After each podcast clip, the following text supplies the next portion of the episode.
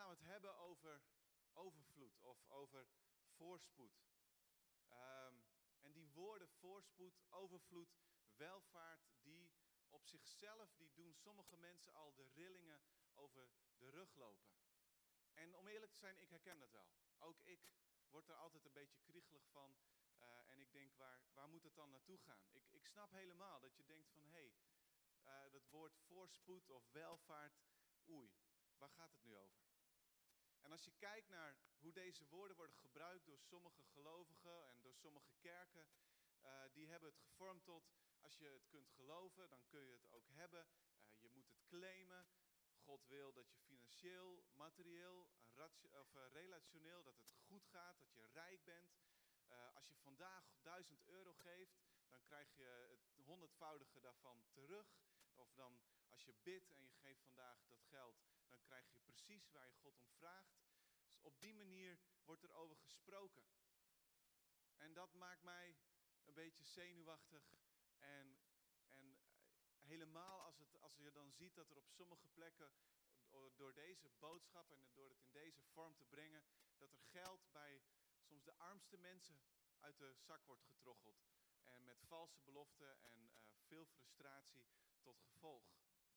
Helemaal als dan ook nog een groot deel daarvan direct in de zak van de prediker belandt, die er zeer, zeer luxueus van leeft. En dan gaat het over welvaartsevangelie. Uh, de Engelse term uh, is ook bekend, prosperity teaching of prosperity gospel. Er staat een definitie daarvan op de handout. Het welvaartsevangelie, ook wel succesevangelie of succeschristendom genoemd, duidt een christelijke leer aan die een grote mate van materiële rijkdom en gezondheid in dit leven belooft aan wie gelooft.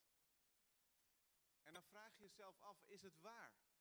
Is het waar zoals zoveel welvaartsevangelisten preken dat God wil dat we allemaal gezond zijn en dat het ons materieel en financieel voor de wind gaat?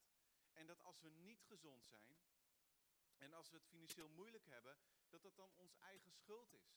Omdat we niet genoeg geloof hebben, omdat we gebrek aan vertrouwen laten zien of ons geestelijk gehalte is te laag of hoe je het ook maar noemen wil. Ik denk dat het antwoord is nee. Dit soort overspannen welvaartsdenken is niet van God. Is niet bijbels. Maar wat moeten we dan wel met al die teksten in de Bijbel die spreken over ook overvloed? Financieel gezien, materieel gezien. Wat moeten we daar dan mee? En het is best uitdagend om daar uh, goed over te spreken, om het goed uit te leggen, omdat we heel snel mensen in twee uitersten plaatsen. We scheren heel snel de mensen over één kam en, en dan zijn er twee uitersten, leest u mee, vult u in. Aan de ene kant hebben we mensen zeggen, ja, de Bijbel belooft welvaart. En de andere groep, die schiet door naar de andere kant. De Bijbel veroordeelt welvaart.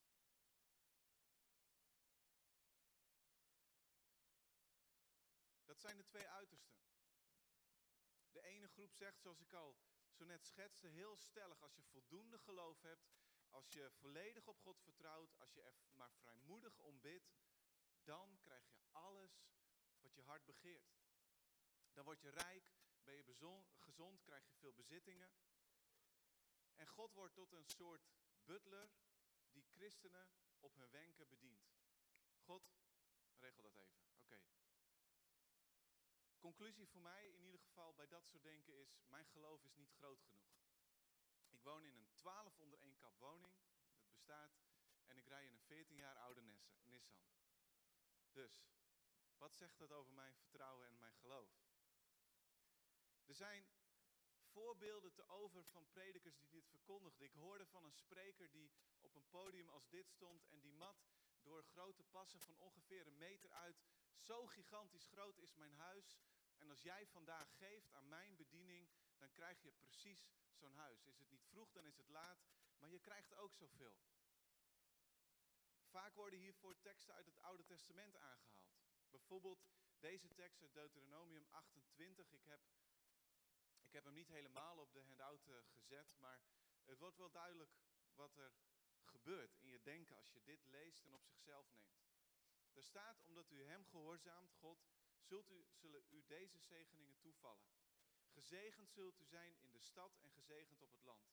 Gezegend is de vrucht van uw schoot, de vrucht van uw land en de vrucht van uw vee. De dracht van uw runderen, schapen en geiten. Gezegend is de oogst die u binnenhaalt. De Heer zal u de overwinning schenken. Zijn zegen zal hij laten rusten op uw voorraadschuren en op uw arbeid. De Heer zal u ruim bedelen. De Heer zal de rijk gevulde schatkamer van de hemel openen. De Heer zal u altijd de eerste plaats laten bekleden en nooit de laatste. U zult iedereen voorbijstreven en nooit achterop raken. Als u de geboden van de Heer, uw God, gehoorzaamt en ze strikt naleeft. En welvaartspredikers zeggen, deze woorden zijn één op één voor ons. Wat ze dan vergeten is dat deze woorden worden uitgesproken in het kader van gehoorzaamheid aan de wet van Mozes. Die wet is goed, die is rechtvaardig.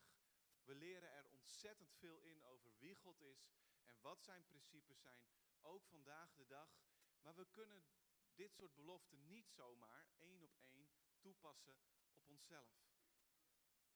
En in het Nieuwe Testament worden ons ook nergens materiële zegeningen beloofd als een, een vanzelfsprekendheid of als een kenmerk van iemand die een groot geloof heeft.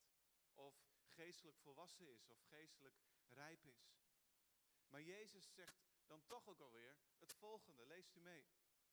Ik verzeker jullie, iedereen die broers of zussen, moeder, vader of kinderen, huis of akkers heeft achtergelaten omwille van mij en het evangelie, die zal het honderdvoudige terugontvangen. In deze tijd, broers en zusters, moeders en kinderen, huizen en akkers. Al dat zal gepaard gaan met vervolging en in de tijd die komt, het eeuwige leven. Dus Jezus die belooft niet alleen iets voor de toekomende eeuw, voor iets na zijn wederkomst, als het koninkrijk van God ten volle is aangebroken. Hij belooft ook iets voor deze eeuw, voor de tijd waarin we nu leven.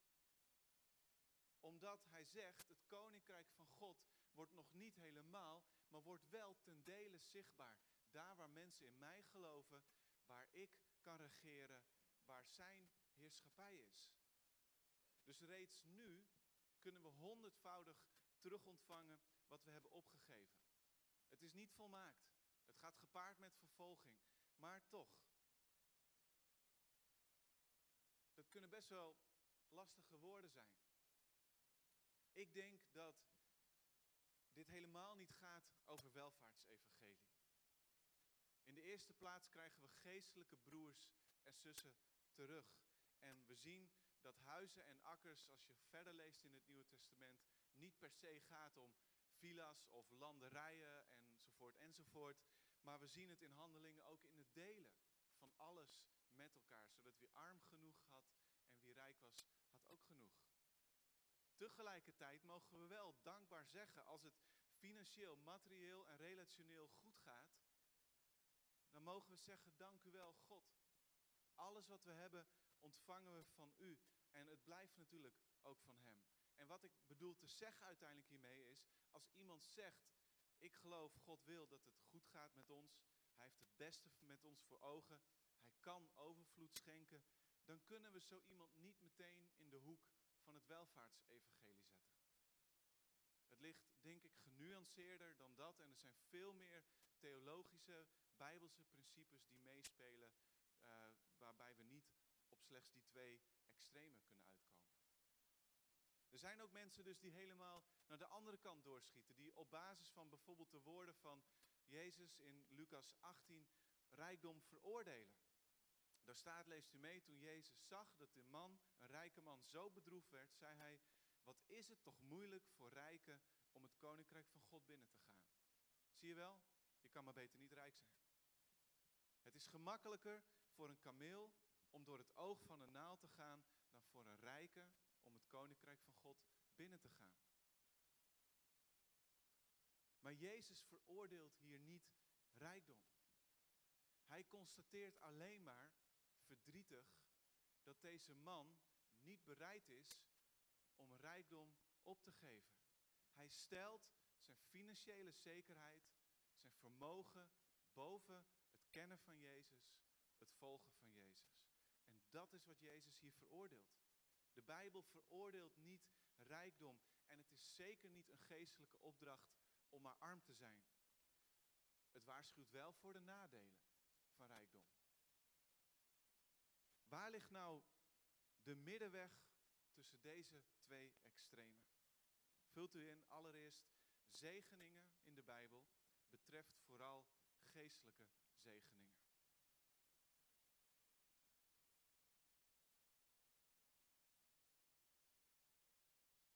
In de hele Bijbel heeft echte welvaart, voorspoed, overvloed, om ook maar even het Engelse woord te gebruiken, prosperity, heeft niet per se zeker niet in de eerste plaats te maken met materiële rijkdom of lichamelijk welzijn. Het gaat over hoe staat het ervoor met je ziel. En zeker in het Nieuwe Testament gaat het woord zegen, overvloed van zegen, gaat altijd of bijna altijd over geestelijke zegeningen. Echte rijkdom is de rijkdom van het beseffen wat we allemaal wel niet hebben gekregen van God in Jezus. In Efesiërs 1, vers 3, daar staat bijvoorbeeld, gezegend zij de God en Vader van onze Heer Jezus Christus, die ons in de hemelsferen, in Christus, met talrijke zegeningen heeft gezegend. Dat is een prachtig gedeelte. Het is een beetje als de, de, de app van jouw bank op je telefoon. Het is zo gemakkelijk tegenwoordig om, om hier en nu te kijken van... hé, hey, hoe staat het ervoor met mijn bankrekeningen? Je kan bijna in real time bijhouden wat komt erbij en wat gaat er weer vanaf. En ik weet niet of je er altijd blij van wordt, maar je kan er in ieder geval heel snel inzicht in krijgen. En zo is Efesius 1 een beetje een soort van uh, hemelse bank-app. Je kan er heel eenvoudig in bekijken hoe staat het ervoor met mijn hemelse rekening. En die staat er goed voor. Die is rijk gevuld. Heel hoofdstuk 1 bijna is nodig om concreet te maken hoe zien nou die geestelijke zegeningen eruit. Bijvoorbeeld al voordat de wereld gemaakt werd, koos God mij uit, koos God ons uit om bij Christus te horen. Daardoor kunnen we als heilige en volmaakte mensen voor Gods troon staan. God heeft Jezus naar de wereld gestuurd om ons bij Hem te brengen. God heeft laten zien dat Hij goed voor ons is. Hij liet Christus voor ons sterven en daardoor zijn onze zonden vergeven. Zijn we bevrijd van onze schuld. God heeft ons wijsheid en inzicht gegeven. En met die wijsheid en inzicht kunnen we zijn plan begrijpen. Het reddingsplan dat tot aan Jezus verborgen was. Jezus heerst nu over alles. Als we geloven, ontvangen we de Heilige Geest. En de Heilige Geest is het bewijs dat we Gods kinderen zijn. Daardoor weten we dat we bij God horen en dat Hij ons wil redden. En zo klinkt Efeziërs 1. En ook als Paulus in andere brieven over zegen spreekt en als hij het over rijkdom heeft, dan wekt hij nergens de indruk dat het materiële welvaart insluit. Het gaat steeds weer om geestelijke rijkdom en geestelijke zegeningen. Onze hemelse bankrekening is prachtig. Ten tweede, rijk zijn is niet erg. Rijk willen zijn is verkeerd.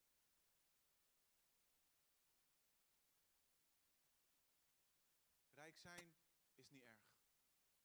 Het is niet erg om financieel goed te hebben, om materieel welvarend te zijn. Sterker nog, de meeste mensen in deze zaal, ik denk eigenlijk behoort tot de top 5, zelfs tot de top 3 en een hele grote groep tot de top 1% rijkste mensen op deze wereld. En dat beseffen we vaak niet, want we zien altijd wel iemand die rijker is. Het blijkt uit onderzoek dat, dat hoeveel geld je ook hebt, de meeste mensen voelen zich niet rijk, omdat er altijd iemand rijker is. Maar wij behoren tot de rijkste mensen op deze wereld. En er wordt er vaak heel snel gezegd, ja, maar het leven op andere plekken in de wereld is ook goedkoper. Dat is niet waar.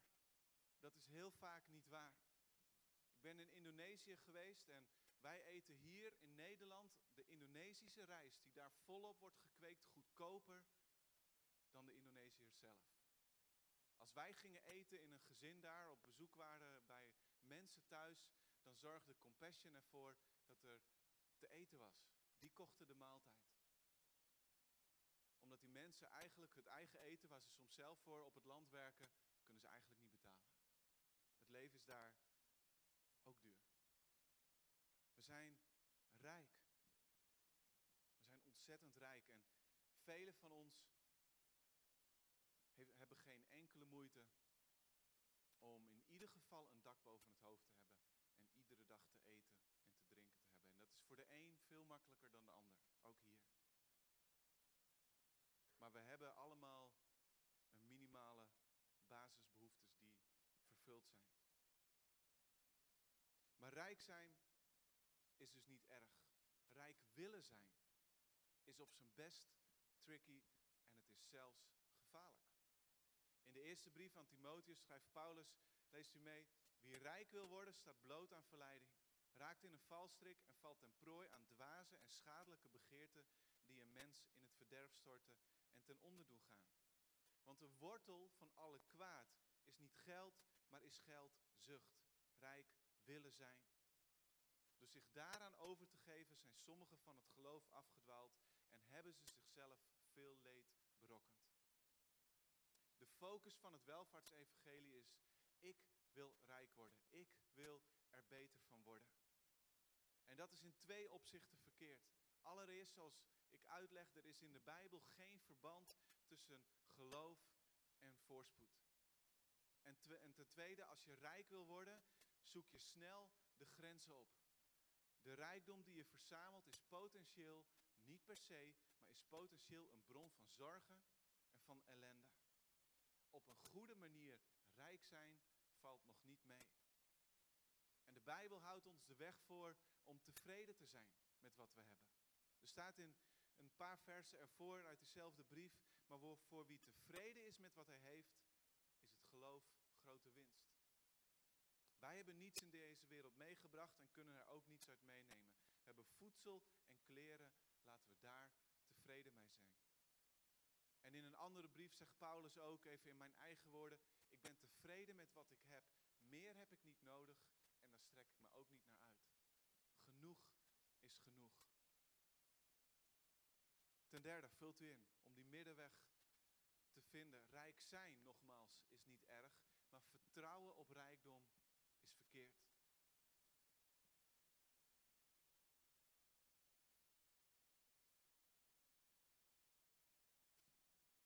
Heel veel mensen die hoor je zeggen, ik wil op het punt komen dat ik financiële zekerheid heb. Ik wil op het punt komen, misschien zelfs, dat ik financieel onafhankelijk ben. En nu is het absoluut goed en ook wijs en ook bijbels om verstandig met je geld om te gaan. Maar beter dan financiële onafhankelijkheid is het om altijd, hoeveel geld je ook hebt, hoe weinig geld je ook hebt, om altijd in afhankelijkheid van God te leven. Dat is de levenshouding waartoe we worden opgeroepen. Om te illustreren wil ik het volgende verhaal van Jezus lezen. Lucas 12. Jezus vertelt erin een gelijkenis en hij zegt, het landgoed van een rijke man had heel veel opgebracht. En daarom vroeg hij zich af, wat moet ik doen? Ik heb geen ruimte om mijn voorraden op te slaan. Toen zei hij bij zichzelf, wat ik zal doen is dit. Ik breek mijn schuren af en bouw grotere, waar ik al mijn graan en goederen kan opslaan. En dan zal ik tegen mezelf zeggen, je hebt veel goederen in voorraad, genoeg voor vele jaren. Rust, eet, drink en vermaak jezelf. Maar God zei tegen hem, dwaas. Nog deze nacht zal je leven van je worden teruggevorderd.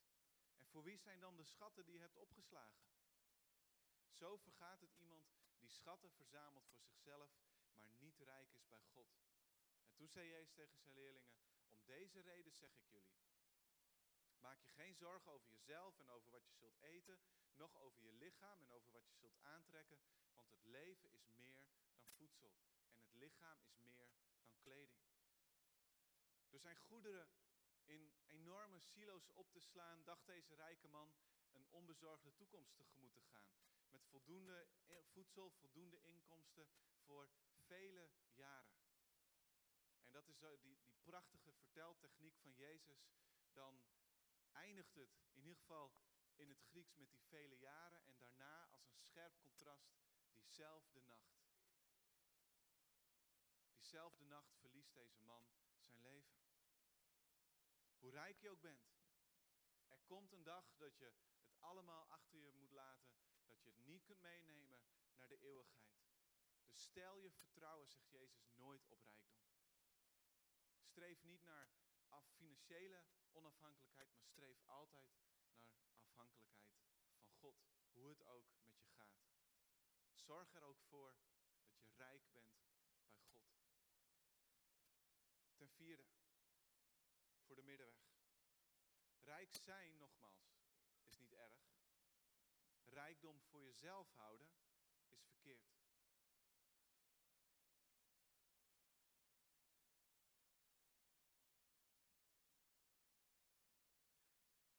En dat is natuurlijk precies waar het misgaat. Bij die man in Lucas 12. Het komt niet bij hem op om de rijkdom die hij heeft, de overvloedige oogst die hij kan binnenhalen, om dat te delen met andere mensen, in het bijzonder armen en mensen die behoeftig zijn. Hij laat niemand delen in zijn, in zijn welvaart. Hij is helemaal op zichzelf gericht. Ik weet niet of je het is opgevallen, maar je ziet ook in het hele stukje dat hij het alleen maar heeft over ik en mijn. Hij overlegt niet met anderen, hij overlegt met zichzelf. Hij is voortdurend met zichzelf bezig. En hij wil alles voor zichzelf houden. En dat is wat God veroordeelt. In de bredere context van Lucas 12 wordt, wordt duidelijk wat hij wel had moeten doen. Hij had anderen moeten laten delen in zijn welvaart. Hij had zich moeten bezighouden met de dingen die van eeuwigheidswaarde zijn. Maar als je rijk bent, door wat voor oorzaak dan ook, een, een erfenis, een goede baan, een goed lopend en ik durf wel te zeggen een gezegend bedrijf, dan is dat hartstikke mooi. Dan is dat geweldig. Dan mogen we dat dankbaar aanvaarden. Maar houd het niet voor jezelf. Spreuken zegt in hoofdstuk 11 vanaf vers 24, wie vrijgevig is, wordt almaar rijker. Wie gierig is, wordt arm. Een gulle gever zal gedijen, wie te drinken geeft, zal te drinken krijgen. Wie meer voor zichzelf houdt dan nodig, wie gierig is, krijgt te maken met gebrek. Maar wie uitdeelt, die krijgt nog meer. En dat bedoel ik niet als welvaartsevangelie. En er is geen garantie op dan nog meer in financieel of materieel opzicht. Heel veel vrijgevige mensen hebben genoeg, veel te veel. Het is ook niet uitgesloten dat God vrijgevige mensen zegent, ook in financieel opzicht. Maar niet op dat moment om daar zelf beter van te worden. Niet om voor jezelf te houden, maar om tot nog meer zegen te kunnen zijn voor andere mensen. Om nog meer weg te kunnen geven. Dat is waar overvloed toe dient en daar wil ik ook mee afronden. Leest u mee en vult u in. Wat moet ik dan dus met overvloed overvloedig delen? Overvloedig delen.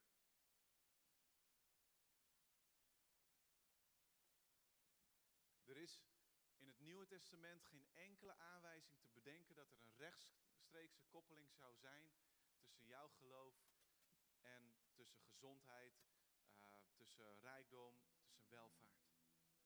Met andere woorden, het idee dat hoe geestelijker je bent, hoe meer vertrouwen je hebt, hoe meer geloof je hebt dan, en je zou rijk daardoor worden en altijd gezond zijn, daar is geen sprake van.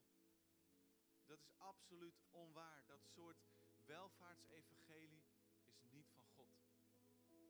Overvloed en rijkdom, welvaart en zegeningen hebben in de Bijbel en zeker in het Nieuwe Testament eigenlijk altijd te maken met geestelijke zaken.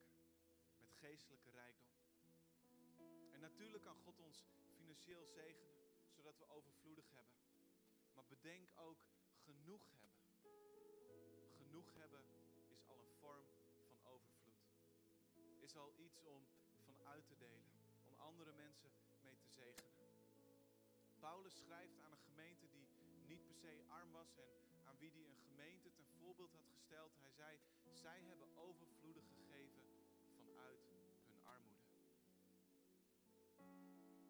schrijft aan aan die gemeente van Korinthe, leest u mee. U bent in ieder opzicht rijk geworden om in alles vrijgevig te kunnen zijn. En uw vrijgevigheid leidt door onze bemiddeling tot dankzegging aan God. Dit staat in de context van het ophalen van een collecte. Niet de collecte voor de eigen gemeente, ook dat zal ongetwijfeld van de Corinthiërs gevraagd zijn om financieel mee te bouwen aan hun eigen gemeente. Maar Paulus riep hen ook op, doe ook mee aan de collecte voor de gemeente in Jeruzalem. Zodat we zij die arm zijn kunnen zegenen met onze giften. En welke zegen we ook hebben ontvangen, geestelijk, relationeel, op het gebied van gezondheid, financieel, welke zegen we ook hebben ontvangen. We zijn altijd geroepen om het door te geven. Om tevreden te zijn met genoeg. Te genieten van wat we hebben. En vooral om er overvloedig van te delen. Weet je, ik heb het zo vaak gezien. Ik heb het zo vaak gezien hoe mooi het is om van je tijd, om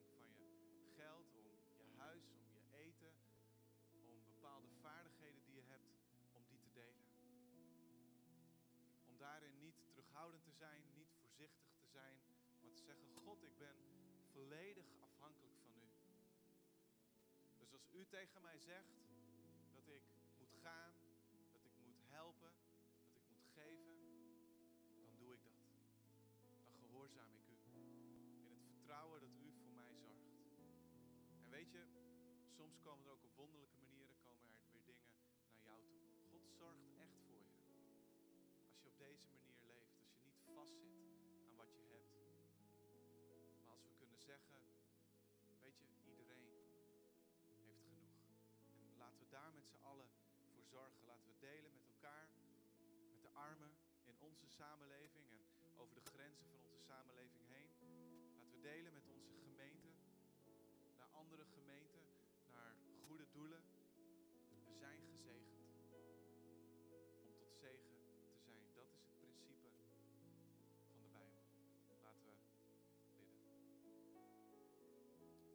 Vader in de hemel, dank u wel dat u een rijke God bent. En dat u uw zegeningen over ons uitstort. Dat we gezegend zijn in de hemelsferen, in de hemelse gewesten. Met zoveel wat we ontvangen in Jezus. En dank u wel dat, dat we dat in de eerste plaats ook mogen vieren en vandaag mogen ontvangen. Heer, ik wil u bidden voor iedereen die in deze zaal zit. Dat ze of opnieuw die zegen van u mogen ontvangen. Dat ze een kind van God mogen zijn. U bent hun vader. U zorgt voor hen, u houdt van hen, u ziet naar hen om. U laat ze nooit alleen. En jullie worden verzegeld met de Heilige Geest. Jullie mogen gevuld worden met de Heilige Geest. En Heer, ik bid dat u dat ook doet op dit moment. Dat u dat zegel op ons drukt, dat we er niet aan twijfelen. Dat we bij u horen, van u zijn, eeuwig leven hebben in u. En Heer, ik bid dat u ons vrijgevig maakt. Heer, dat de overvloed die we hebben, het genoeg wat we hebben, dat we mensen zijn die, die daarvan delen. En niet onszelf er beter